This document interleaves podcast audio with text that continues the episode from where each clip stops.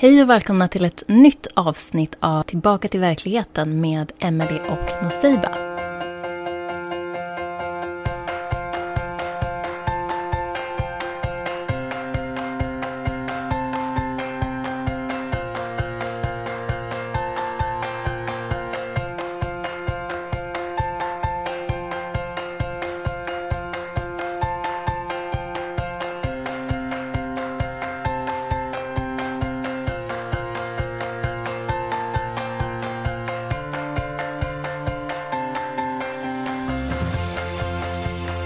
Nu kör vi. Välkomna tillbaka.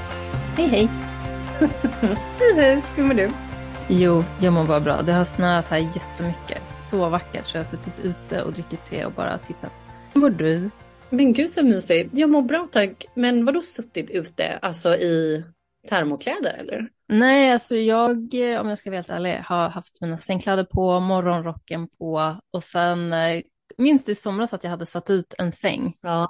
Och den är ju under ett tak. Så att jag sitter där med en filt och bara myser och har det gött. Ja, okej okay då. Jag tänkte, jag tänkte bara att gud vad kallt. Men det låter ju jättemysigt. Mm, det känns inte sådär jättekallt. Det är ganska skönt. Skönt. Mm. Hur mår du? Vad händer hos dig? Nå, samma gamla i princip. Eller så. Det är bra. Det har inte hänt något jag är redo för, för nu bara att bygga vidare på det vi pratade om förra veckan. jag är fortfarande, eller jag kommer tillbaka till det som är preventivmedel typ och eh, psyken och sådana här saker. Jag är så fruktansvärt provocerad över ja, liksom modern medicin typ och hur det, hur det ser ut, funkar och sådär. Så den, eh, den kommer komma, eller det kommer liksom, jag kommer liksom tillbaka till det nu då, för idag så tänker vi prata om alltså saker och ting och hur vi gör för att liksom anamma våran femininitet eller feminina energi och stärka den eller få tillbaka den och så vidare. Och då är ju just en av de grejerna som blir relevant det är att jag är så här, sluta, sluta äta p-piller och ha sådana här p-stavar och spiraler och sådana här saker som liksom fuckar upp din cykel.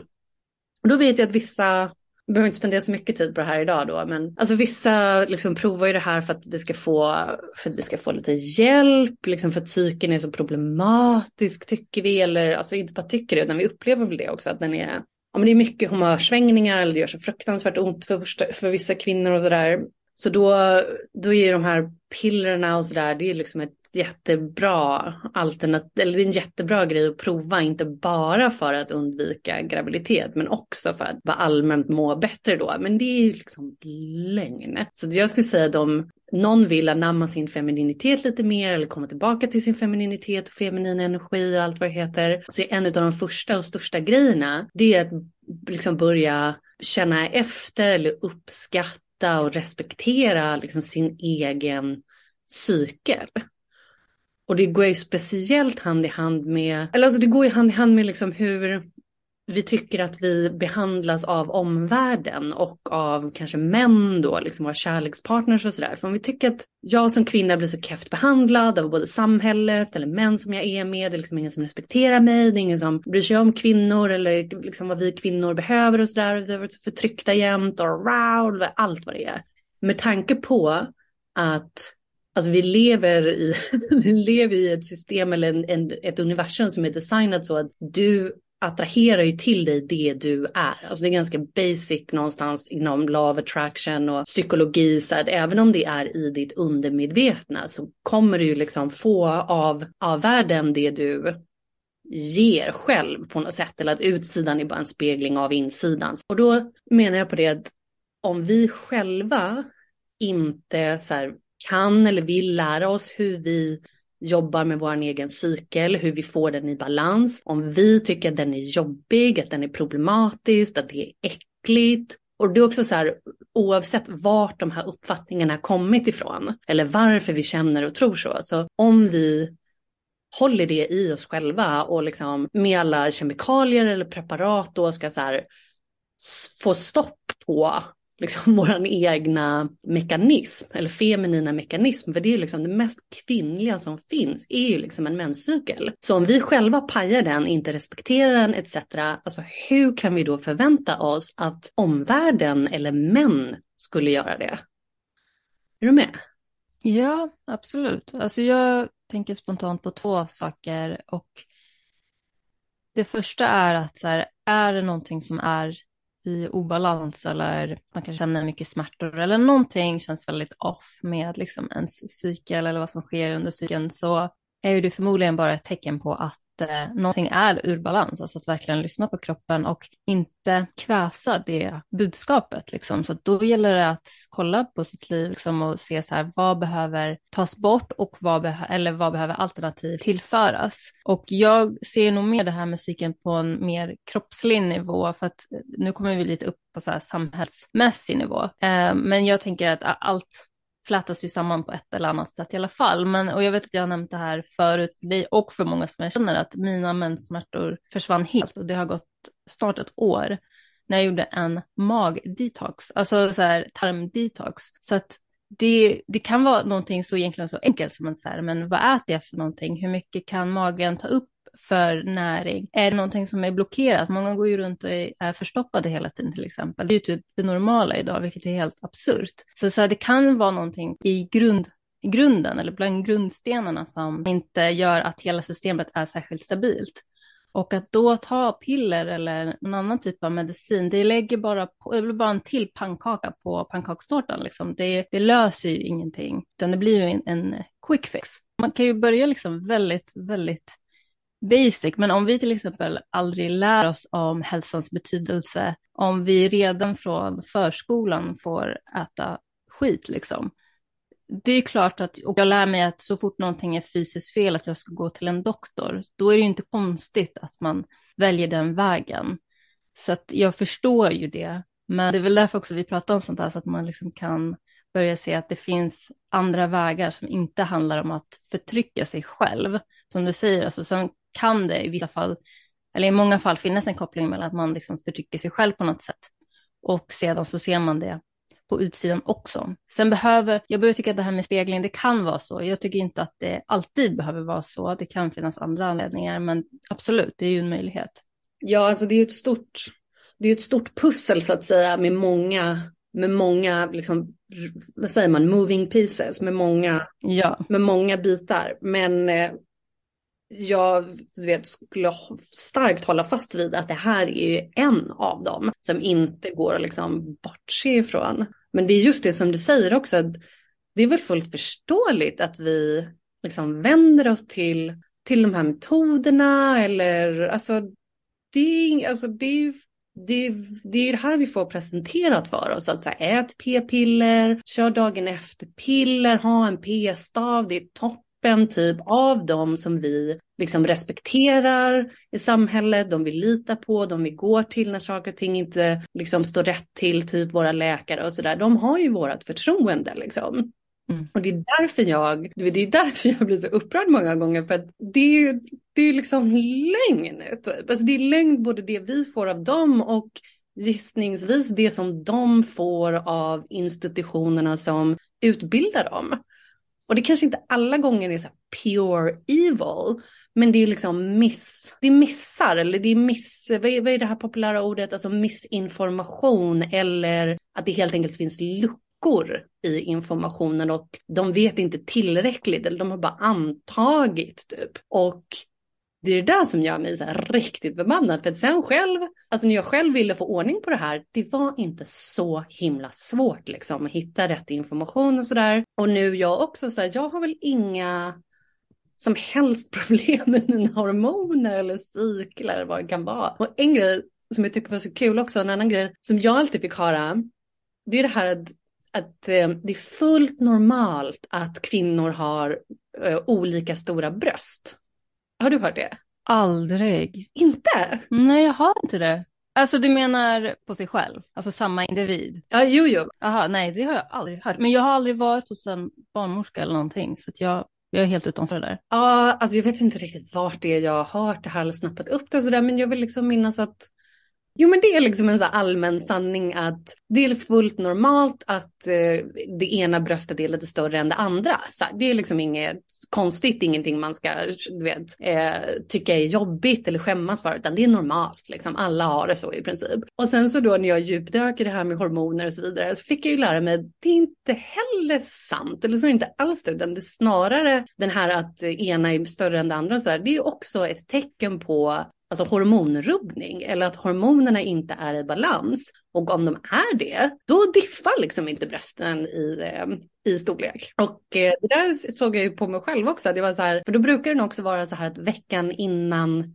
mensen, det är gärna då det syns som mest att de skulle vara lite olika stora. Alltså det behöver inte vara så liksom, stor skillnad, men ändå så att man kanske kan märka det och sådär. Och just då dagarna innan mensen kommer så är det mest påtagligt liksom. Och i mitt egna fall så liksom mina, mina bröst blir perfekt jämnstora liksom forever i alla delar av cykeln och sådär när jag ja, men när jag hade gjort vissa ändringar och sådär då. Så att, jag vill bara nämna det. Det var en annan så här lustig grej. Att jag bara, men aha, här har jag fått höra hela mitt liv att det är fullt normalt. Ingenting att bry sig om. Och så bara, aha, nej, okej, okay. mm, okej. Okay. Ja, alltså vad, det blir min så här fun fact for the day. För som sagt, jag har aldrig hört talas om det här. Men jag tänker mig att det som anses normalt är ju oftast det som är det ledet de flesta följer. Så om något så säger du ju bara att majoriteten har ju säkert varit på samma bana som du och därför syns de här skillnaderna och då blir det normala. Det blir normen helt plötsligt fastän det är en dysfunktionell norm. Liksom. Ja, och, men och då blir det, alltså, vi, behöver, vi behöver inte älta att det är så svårt att lita på auktoritetsfigurer eller sådana där saker. Men det bara, jag bara säger det att vet, om vi kvinnor börjar liksom ta tillbaka våran makt och så vidare och liksom kan anamma att psyken är en naturlig del av dig, det är den mest feminina delen av dig på ett visst sätt. Så att liksom acceptera den, börja programmera sig själv för att tycka om den, uppskatta den. Det kommer göra under liksom för din feminina sida och den feminina energin. Ja, och jag tänker så här, alltså kroppen är ju helt fantastisk. Så att oftast, inte alltid, jag förstår att det finns undantag, men ganska ofta så krävs det inte mycket för den att komma på banan igen och återhämta sig själv. Så även om man kanske har tagit p-piller eller haft p-stav 20-30 år, bara man tar ut den eller slutar med det där så kommer kroppen att kunna fixa det där och läka det där själv. Så det, det, behövs ibland inte värsta så här inre resan för att läka sig själv, utan det, kroppen är jättefantastisk. Och sen vill jag bara säga apropå så här med läkare och barnmorskor och de som oftast ger ut eh, preventivmedel för kvinnor. Jag tror också att det är viktigt att komma ihåg att vi tror ju att de bär på helhetsbilden. De bär inte på helhetsbilden. Det är ju det vi blir intryckta i huvudet, liksom att de har svaren på allt. De har en liten, liten pusselbit. Alltså, läka, alltså läkemedelsaspekten är ju, eller läkemedel överlag och läkemedelskunskap, eller vad man ska säga, det är en väldigt specifik nisch. That's it. Det är inte allt. Ja, men nu sa du det definitivt, att det är liksom en nisch som de är specialiserade på, vilket är toppen. Men det går inte att bara gå på den linjen, liksom. på bara en, en liten nischad liksom, inblick i den mänskliga varelsen och vårt system och så här. Men nej, nej, nej. Men du, eh, sen då? Nu, det har redan gått så här 20 minuter, en kvart typ. Jag på ältar med preventivmedel. Eh, vad har du för eh, tips eller råd när det gäller att bli mer feminin eller vara mer i den feminina energin? Kärt barn har många namn.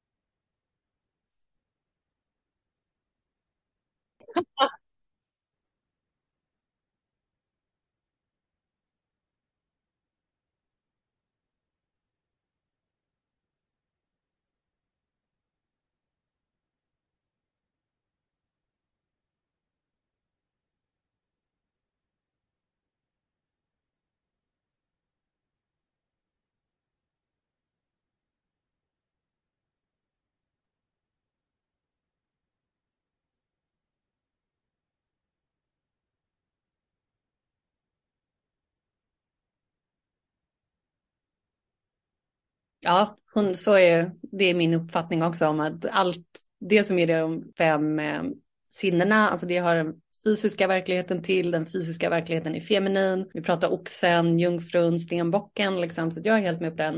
Och jag skulle hålla med, jag säger det till, till kvinnor och tjejer också, att så här, eller det är också väldigt, alltså för män också, för det är liksom en helande eller en läkande aspekt i det hela, att bada, duscha, alltså i badkar eller hav eller whatever utomhus, bara att vara i närheten av liksom rinnande vatten eller en större vattenmassa, att också dricka mycket vatten, alltså allt, allt som går att tänka sig med vatten liksom, är, jag är med där.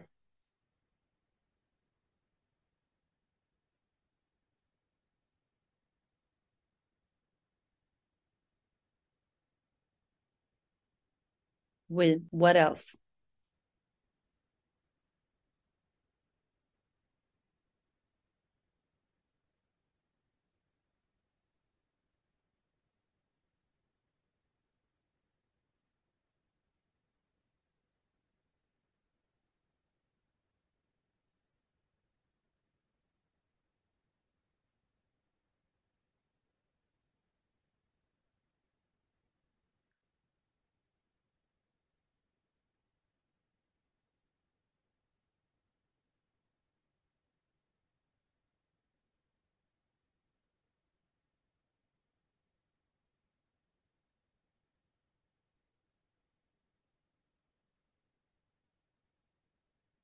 Ja, jag är helt med. Jag hade också den som en att, eh, men att dansa. Och det där är så roligt också. För visst har vi nog ändå den föreställningen, eller alltså det är nog for reals, att eh, alltså vi svenskar, man brukar nog internationellt också bara säga white people, liksom, att vi är lite stiffa och stela och vi vågar nog inte riktigt dansa sådär, bara, vi vågar nog inte riktigt dansa liksom. Men det är bra, ja, om vi skulle våga göra det lite mer. Och jag specifikt skulle också säga det, eller jo, men i, i det som är feminint och så, alltså till exempel magdans eller afrikanska danser och sådär, där det är mycket fokus på att röra nedre delen av kroppen eller höfterna och sådär. Det skakar loss jättemycket av det som hör det feminina till och ut, eller också för att vi vi samlar på oss mycket känslor, eller känslor som liksom fastnar i den fysiska kroppen, de fastnar gärna i höfterna. Så att när vi verkligen är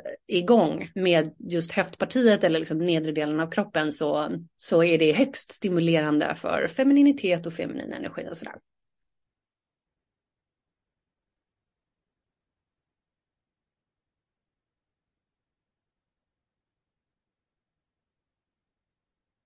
Hmm. Jag kan ju tänka mig det, att vi kanske har gått och samlat på oss en hel del då som liksom sitter, sitter kvar där. Ja, jag har också en hel del. Jag har en så här att hålla i en bebis eller vara med små barn. Högst feminint. Att eh, utan någon så tidspress eller specifikt mål bara strosa omkring i en blombutik eller en, vad heter det, en bokhandel eller eh, Ja, typ museum också, bara så här för skojs skull, eller så här, utan, utan mål då som sagt. Och sen kan man till exempel hänga ut fågelmat och njuta av fåglarna som kommer och äter av dem och bara titta på dem. Högst feminin, triggar igång massa oxytocin och sådär om vi ska vara vetenskapliga. Laga mat, sen stor mängd mat och frysa in till ett annat tillfälle när du inte har tid till att laga mat. Högst feminin. Ja, Ja, för det handlar lite på det om att ehm, du vet, det feminina behöver känna att det finns ehm, tillräckligt med tid och stöttning och sådär. Och det här blir ett sätt att trigga igång det liksom i vårt eget psyke, att en annan gång så finns det redan. Det är, liksom, eh, det är redan ordnat eller du behöver inte oroa dig för det. Det är liksom en mindre sak på, eller en sak mindre på att göra-listan. Det, är redan, det är redan avklarat. Ja visst. Och samtidigt då man kanske har en familj eller om man lagar åt mer än bara sig själv så är det just det här att man får, får utsläpp för sitt liksom, ta hand om och eh, sitt ta hand om behov. Och eh, mm, man kan sticka eller virka någonting med intentionen att man ska ge bort den till någon annan. Eller alltså att det liksom är till någon annan. Det är också den här då att känna, känna gemenskap eller att man är liksom kop, ja, gemenskap kopplad, bondad till någon annan. Man kan boka eh, nej, man kan duka middagsbordet så extra fint. Du vet med typ tända ljus eller många har väl hemma kanske något så här, du vet fin porslinet liksom. Man använder det till en middag, då höjs mysfaktorn något enormt och det här med att få göra fint och att det är lite eh, högtidligt eller speciellt. Man kan anställa en städerska, nanny, trädgårdsmästare eller liknande så att man får mer hjälp eller så att du har mer hjälp och mer tid till någonting annat som du hellre skulle vilja göra och sådär. Förra veckan var det väl som vi också påpekade att just att ha det så här rent och snyggt runt omkring sig är bra på alla möjliga sätt, inte minst för temat idag. Köpa nya underkläder, köpa hem blommor eller påta i trädgården, hålla på, om man håller på med växter och blommor. Eh, gå för att få en massage, pedikyr, manikyr, liksom hårklippning, hårstyling, någonting sånt. Just det, och sen har jag en annan som eh, kanske tåls att säga någonting om, men jo, eller den här, för den här har jag svårt med själv nämligen. att, att sluta ha så svar på tal. Eller mothugg, eh, slash måste få din vilja igenom eller typ bevisa att du har rätt. Det har lite att göra med att det är liksom den feminina principen i oss alla som är medgörlig. Och den här att, eh, ja, men, inte nödvändigtvis kompromissa, men mer medgörlig. Och som sagt så märker jag ju det själv och gärna då i, alltså med män. Eller i våra liksom, nära relationer med män eller kärleksrelationer med män så vill vi vi vill ju inte att de ska, som var vi inne på förra veckan, att de ska äga oss eller trycka ner oss eller att vi ska liksom behöva fortsätta ta emot en massa disrespect och sådär, utan nu, nu är vi liksom på hugget. Och i allmänhet så är folk ganska, både män och kvinnor, ganska dåliga på kanske kommunikation och du vet istället för att lyssna så väntar man bara på sin tur att få prata och sådär. Ja, alltså jag, jag tänker mig att eh, ett såklart så handlar det ju om, så beror det ju lite på situationen såklart, men jag tänker mig just det här med så här, svar på tal. Oftast när man har det så kommer det ju med ett typ av försvar. Det är ju en typ av känsla bakom det som är väldigt sådär, det handlar nästan mer om det än vad man har för faktiskt svar på tal ibland. Så att jag tänker mig absolut att det är nog en väldigt god idé att bara så här, att utveckla förmågan att eh, antingen ha en respons, men där det inte är på ett så här, svar på tal sätt, utan där det verkligen är på ett sätt som är så här, jag hör dig, jag förstår var du kommer ifrån, mer än jag håller med dig. För att bara för att man hör och förstår en person betyder det inte automatiskt att man faktiskt håller med.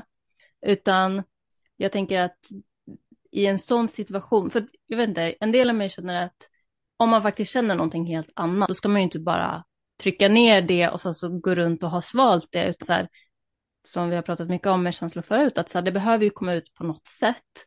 Så att antingen kan det komma ut på ett bra sätt eller så kan det komma ut på ett sätt där det inte känns som att jag trycker ner mig själv. Utan så här, okej, okay, jag, jag förstår. Och då kanske det är smartare att ta den diskussionen till exempel senare eller någon annan dag när det inte är samma krigszonkänsla över det hela. Ja, jag vet. Men där gäller det ju också att känna sig själv och att, för att oftast när man har en sån typ av respons, det går ju väldigt fort och det är väldigt så här, det sker väldigt snabbt. Och oftast är ju det, kan vara i alla fall, lite av ett mönster hos en, så att man har liksom gått runt och fött det där väldigt, väldigt mycket, så att det blir en automatisk respons. Men att kunna så här, fånga sig själv innan, men prata med den delen av sig som vill ha svar på tal på en gång, att vara så här, okej, okay, du ska, du ska få svara på tal, men in, inte nu, vi tar det sen. Så här, man får typ ha en dialog med sig själv, där alla delar på något sätt kan bli nöjda. Ja, visst alltså börja implementera liksom nya strategier för kommunikation och hur vi gör oss förstådda och sådana där saker. Ja, och komma till botten med så här, vad är det som gör att, som du säger, om det kanske handlar om att jag vill inte känna mig förtryckt eller jag vill inte känna att du ska tro att du har kontroll över mig eller sådär. För bara det i sig säger ju en del om vad personen själv står. Alltså hur den ser på relationen. För att om jag kände 100 procent att den jag är med eller den jag kommunicerar med har absolut ingen kontroll över mig. Då skulle ju inte jag svara på ett sånt sätt som att den hade det, eller som att jag trodde att den hade det. Utan då är det ju någon typ av osäkerhet som ligger där och då är det ju nog bättre att titta på den istället för bara hålla tyst. Bara, ja men jag ska inte svara på tal, utan det finns ett bigger issue oftast under det där. Ja, ja men definitivt. Och då kommer ifrån lite det kanske som är så här feminin energi liksom. Men för att hos alla, som du säger, så här, vi hamnar gärna i defensiven på en gång bara för att vi vill vi vill inte ha fel typ. Eller en annan gång så har väl du och jag också pratat om det som är liksom att ta emot feedback eller kritik.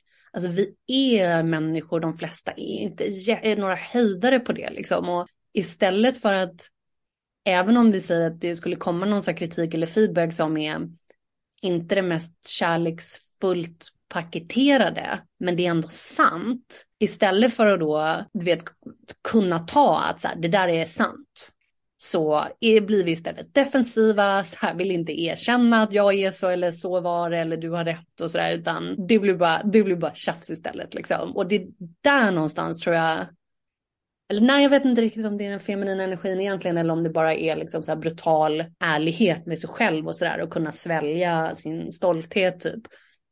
Men då ska vi se, vad har jag mer Jo, någonting annat som också blir så här högst, högst med det feminina är att erbjuda sig själv att sitta barnvakt åt någon annan. Att eh, liksom säga det att jag kan, jag kan hjälpa till, Sanni kan lämna barnen här, jag kan ta bebisen eller whatever, whatever. Man kan laga mat till någon som har en nyfödd bebis och liksom hej, jag fixade middag så ni behöver tänka på det just nu vi då som eller whatever, man eller kvinna, att eh, lära sig be om hjälp.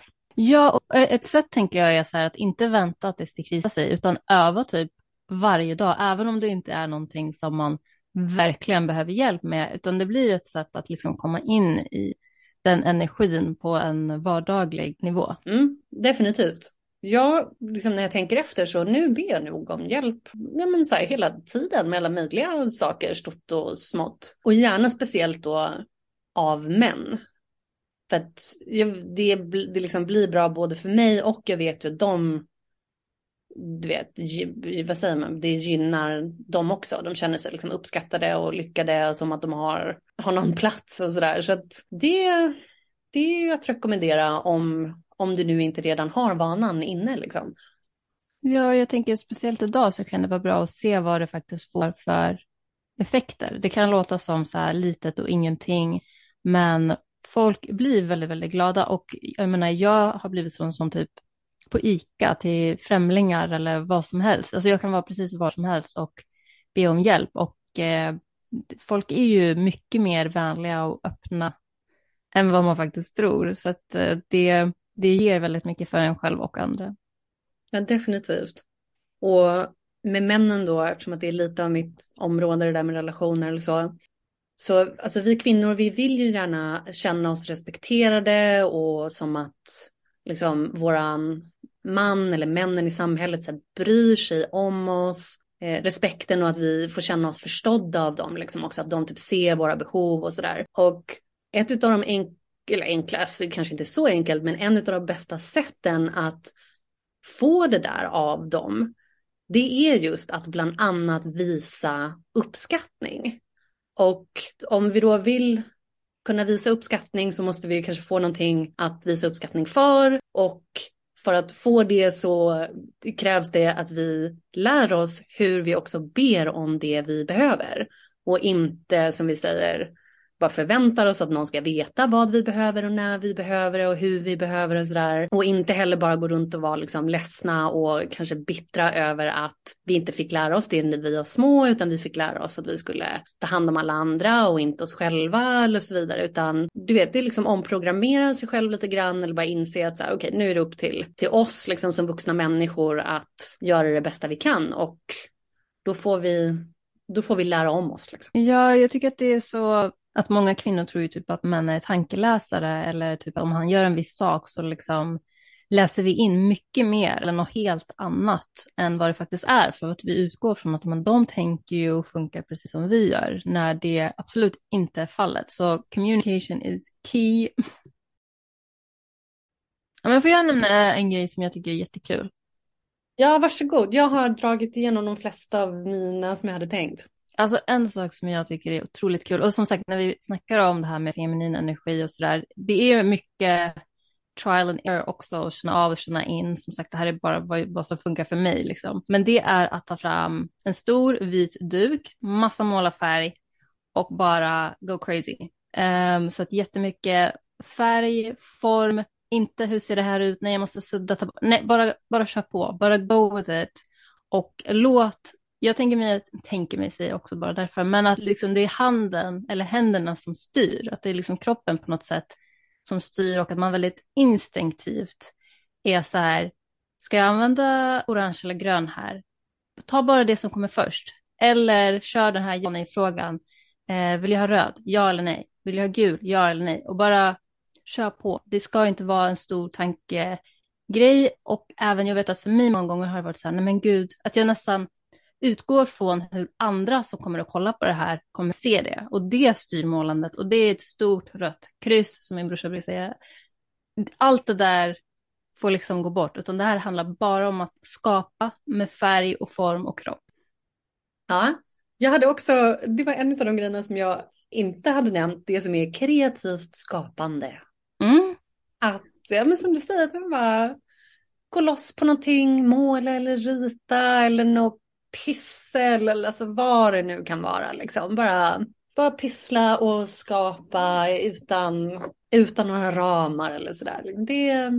Och utan mål. Och det måste jag faktiskt nästan nämna. För ett tag, då det så här en lek som hette stand-up-leken. Jaha. Basically skapade ljudfiler där jag var en stand-up-komiker. För att jag har alltid tänkt att det är min absolut största skräck. Men egentligen handlar det inte om att nu ska jag ställa mig på en scen. Jag är fortfarande inte den nivån att jag skulle våga göra det. Men det handlar mer om att bara vara här och nu och så här, ha kul och gå loss och skratta med sig själv och, och liksom bara också bara låta det flöda. Det är också en typ av skapande. Men just att jag gjorde det för mig själv, egen ljudfil, är just för att ta bort allt det här läskiga av kritik eller ingen skratta eller någonting sånt, utan så här, det här är bara för ens egen skull. Toppen. Ja, och sen en av de största pusselbitarna till det här feminina ser jag det som i alla fall är intuitionen och vara liksom intuitiv och sådär. Så att jag tänker att um, om man vill gå riktigt all in och man har en dag ledig eller några timmar ledigt eller så, att uh, gå helt utanför boxen, bara intuitivt följa vad man vill göra, helt utan tanke på konsekvens eller tänk om det här händer, tänk det där heller. Alltså såklart ska man inte utsätta sig själv för fara, men jag menar bara att så här, flyt med livet. Bara tillåt dig själv, eller tillåta sig själv att bara göra det helt utan att veta vart man kommer landa någonstans. Och det behöver inte make any sense på vägen. Det kanske bara är så här, det känns som att jag borde gå till ICA just nu. Du behöver inte ens ha något som ska handlas. Bara gå dit och se därifrån vad som händer. Ja, ja jag gillar den. Jag var nog lite inne på samma också. Eller det är inte riktigt samma, men att eh, tillåta sig själv att inte göra någonting speciellt. Och precis som du säger, bara, bara känna lite, lite i stunden. Så här, jag har inga, inga planer idag, inget, så här, det kan bara hända som det händer. Och inte heller, inte låta det gå till överdrift så att man så varje dag bara, nej men jag är i min, är i min feminina energi och bara gör ingenting. Du vet, jag bara tittar på tv hela dagen typ, eller jag behöver inte jobba, jag behöver inte göra någonting. Det, det är nog att gå lite till eh, överdrift. Men jag håller helt med om, om det du säger. Och som vi har sagt båda två ett par gånger nu, att göra saker och ting men helt utan mål. För det här med att ha en målbild eller att någonting liksom ska produceras, att det ska klaras av, man ska nå ett resultat. Allt det är liksom högst maskulint. Och våra liv är fyllda av sådana här grejer. Så att, att ibland göra saker och ting som inte har någon riktig anledning bakom det. Eller det är liksom inget, det ska inte, det ska inte nås till någonting. Det finns ingen målbild med det hela mer än att det bara händer och kanske alternativt för att det ger dig någon form av njutning. Liksom. Ja, alltså jag, jag, tänker som jag tror jag nämnde sist, alltså titta på barn. De är jättebra på det där, att bara vara liksom. Det finns ingen poäng med någonting överhuvudtaget och de oftast i alla fall, inte alltid, generellt sett mår ju mycket bättre än vad de flesta vuxna gör. Jag tycker ändå det ligger någonting i det. De kanske vet något som inte vi vet. Yes. Och apropå, nej jag tror inte vi har nämnt något sånt, men en annan sak som jag bara måste nämna som är ett måste för mig nästan varje dag, det är naturen och speciellt träden och att ta på träden. Och även om man vågar ta ett steg längre, kommunicera, alltså prata med träden. Ja, jag brukar säga det, eller prata med sina, prata med sina blommor, sina växter och sin trädgård och sådär. Det är ju liksom vetenskapligt bevisat att det ger effekt på plantorna och sådär och på dig också då i tillbakakakan. Så... Mm. Ja, det är så härligt. Det är ett sätt att verkligen bonda med någonting som inte går att förklara. Och när det är varmt på vår och sommar, då skulle jag verkligen rekommendera att gå barfota ute på gräset. Ja, den är fin. Du fick mig att tänka på en sak. Eh, du fick mig att tänka på en sak apropå naturen och växtligheten och sådär. Eh, för det fick mig tillbaka till alltså, oxens tecken, alltså elementet jord och sen vatten då som alltså klassas som de feminina elementen. Och en så här universell kosmisk eh, sanning om att allt i vårt universum liksom går på en rytm. Eller att rytm är en del av allting eller all, eh, allt så här välmående eller framgång typ både i dig själv själsligt eller liksom affärsmässigt och så här. Det behöver gå på rutin. Att implementera eller skapa och hålla fast vid rutiner. Det är också så högst feminint. Och det kopplar lite tillbaka till psyken också, att allting har liksom, eller allt som det feminina har en rytm och det har en cykel och eh, rutiner. Så att, att bibehålla det där i sig själv eller att implementera det på alla olika sätt och både i liksom privatlivet, eh, relationer, affärsmässigt och professionellt. Det är bra. det är bra, gör det. Jag, jag tänkte spontant direkt på det här med gränser och så. Det är ju inte samma sak som rutin, men när, när vi pratade tidigare om att, så här, att vara i det feminina betyder ju inte att man ska liksom, ligga i sängen varje dag för att det, det är skönt för kroppen eller att man ska gå runt och dansa 24-7, utan att eh, man har ju liksom ramar, alltså den maskulina delen av sig, eller man ska säga, har ju vissa ramar och sen inom det så kan man liksom virra runt, använda allt det här feminina så att det konstant är en balans mellan de två. Just det, just det. För jag kommer ihåg ett tag själv när jag var yngre. Jag hade, eller du vet, jag fick lite panik på, på det att allting skulle vara så här monotont typ. Eller att allting bara händer så här, utan eftertanke typ. Eller att det är just på rutin och inget så här, jag menar att per automatik typ. Jag fick lite panik på det när jag var yngre. Och eh, det var väl med viss del liksom hade jag väl rätt i det sådär. För att jag behövde ju lite mer äventyr, jag behövde lite mer någonting utöver det vanliga skulle hända och sådär. Och det, det kan ha sin plats liksom. Men just det att implementera så här, vissa träningsrutiner eller att du ditt jobb är på det här, på det, si eller så sättet och alltså för barn, om det är någon där ute som har barn eller har med dem att göra. Ni vet ju att det är så här crucial, liksom att det måste finnas en viss rutin och som också, som du säger, går, eller det tappar liksom in på och går lite hand i hand med att det finns en viss ram eller en viss struktur. Och att det liksom inom det kan spejsas loss lite grann.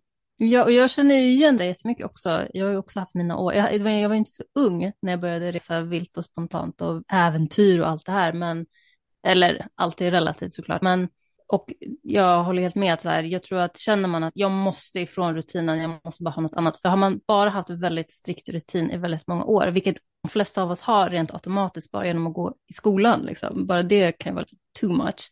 Så absolut, ha utrymme för det. Men jag tror att de flesta, inte alla såklart, jag har träffat pensionärer som har varit ute och rest hela livet, men tror medelpersonen kommer nog landa i att hitta en ram eller struktur som funkar för en själv, där det finns utrymme för det här spontana, meningslösa också.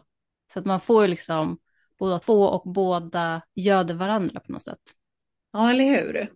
Ja, men lite som i, eh, ute i naturen, liksom att vi har, vi har vissa säsonger. Liksom. Här i den norra atmosfären så har vi fyra tydliga olika säsonger Sen kan ju inom de där fyra säsongerna så kan ju vädret ändå skifta ganska mycket från dag till dag eller sådär. Men det är ju ingen idé att låtsas som att det är dags att åka för liksom en stranddag nu, för det är vinter. Alltså så här, det, det, är inte tid för det. Rytmen är liksom inte där. Och så på samma sätt då som i vår stora omvärld så i våra egna liv så bara håll koll på rytm och rutiner och respektera dem och jobba inom dem istället för att så här, gå emot och bara skapa total kaos. Liksom. Mm. Ja, men jättebra. Ska vi avsluta on that note? Eller har du något mer att tillägga? Ja, jag har, jag har en faktiskt som mm. kan vara, den kan vara perfekt att avsluta med nu inför temat nästa vecka. För att en grej då för det feminina och la, Alltså det du, både som man och kvinna, Alltså sluta snacka illa om andra kvinnor. Och då är också så här, det här, står ju, det här är fristående från liksom gedigen typ feedback eller kritik eller så här, jag håller inte riktigt med och så där eller jag tycker att du har gjort någonting fel. Alltså sånt, sånt är alltid okej okay, i princip. Men jag kom att tänka på det här också för att jag hörde nyligen en tjej, eller hon sa kvinna 40 plus, som hon störde sig lite på en annan kvinna 40 plus. Och så var hon så här, hon bara, ah, men alltså hon är en rikt, hon är en jävla F-I-T-T-A. Och jag kom ihåg det bara, wow! Alltså vad sa du precis om hem, alltså vad sa du precis? Och det var liksom, och då insåg jag nog också att det är nog ganska normalt fortfarande för många eller i vissa kretsar att, alltså inte bara som just i den där stunden så här, använda sitt eget kön som ett skällsord, men också att så här, vara så hatisk mot en annan kvinna. Jag var bara så här, men igen då lite tillbaka till att så här, men alltså, hur, om du liksom går runt och beter dig så mot tjejer eller kvinnor, alltså varför tror du att någon annan skulle så här, behandla dig som kvinna bättre än vad du själv behandlar någon annan? Förstår du? Det är liksom...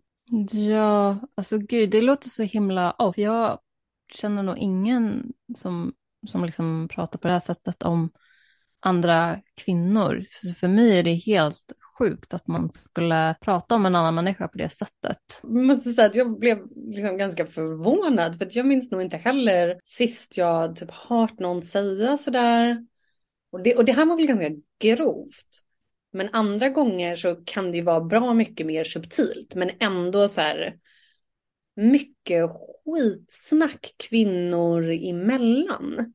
Hur pratar du som kvinna om andra kvinnor och vad har det för påverkan på din egna femininitet? Alltså vissa gånger kanske undermedvetna uppfattning om dig själv och din egna femininitet och så här, jag bara det här, oh my god, alltså man kan inte liksom bete sig så här mot andra tjejer. Ja, alltså nu när du säger det för sig, jag tror att det kan finnas någon typ av underliggande rivalitet av någon anledning. Eh, men det kan man ju också gräva i hur mycket som helst. Jag kan tänka mig att det är då motsatsen till vad systraskap och att föda det feminina står för. Ja, just precis.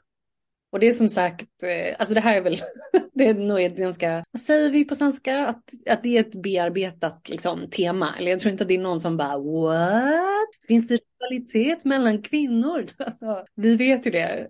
Jag tror att medelkvinnan, för som du sa innan, så här, det behöver inte vara som med den här kvinnan som du beskrev, utan att det sker så subtilt att man kanske inte ens inser hur ingrott det är hos sig själv. Och det kan ge sig uttryck som kanske till och med verkar eh, omtänksamma, när det egentligen är botten. Det egentligen bottnar i en rivalitet. Ja, ja men visst. Så vi fortsätter med det nästa vecka helt enkelt. Ha det så bra där ute då. Ha det bra, vi hörs igen nästa vecka.